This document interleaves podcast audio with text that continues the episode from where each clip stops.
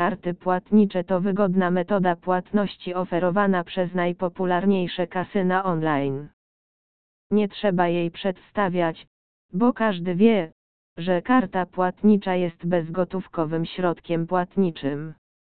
Co ciekawe, w Szwecji karty całkowicie wyparły gotówkę, a odsetek wszystkich transakcji dokonywanych przy użyciu kart przekracza 90. W Polsce sytuacja jest mniej kolorowa, ale obroty gotówkowe z roku na rok maleją, a trend wydaje się być jednostronny.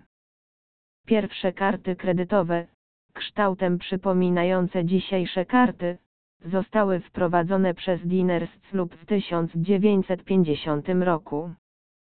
Wkrótce potem, wewnętrzny 1958 roku, powstał odpowiednik dzisiejszej karty Visa. A w 1966 roku powstał odpowiednik dzisiejszej karty Mastercard. Pierwszy bankomat pojawił się w 1975 roku, a pierwsza transakcja z użyciem kodu PIN miała miejsce dopiero w latach 80. W tym samym okresie wydana została pierwsza w Polsce karta kredytowa PKO. Karty płatnicze są wygodną formą płatności w kasynach,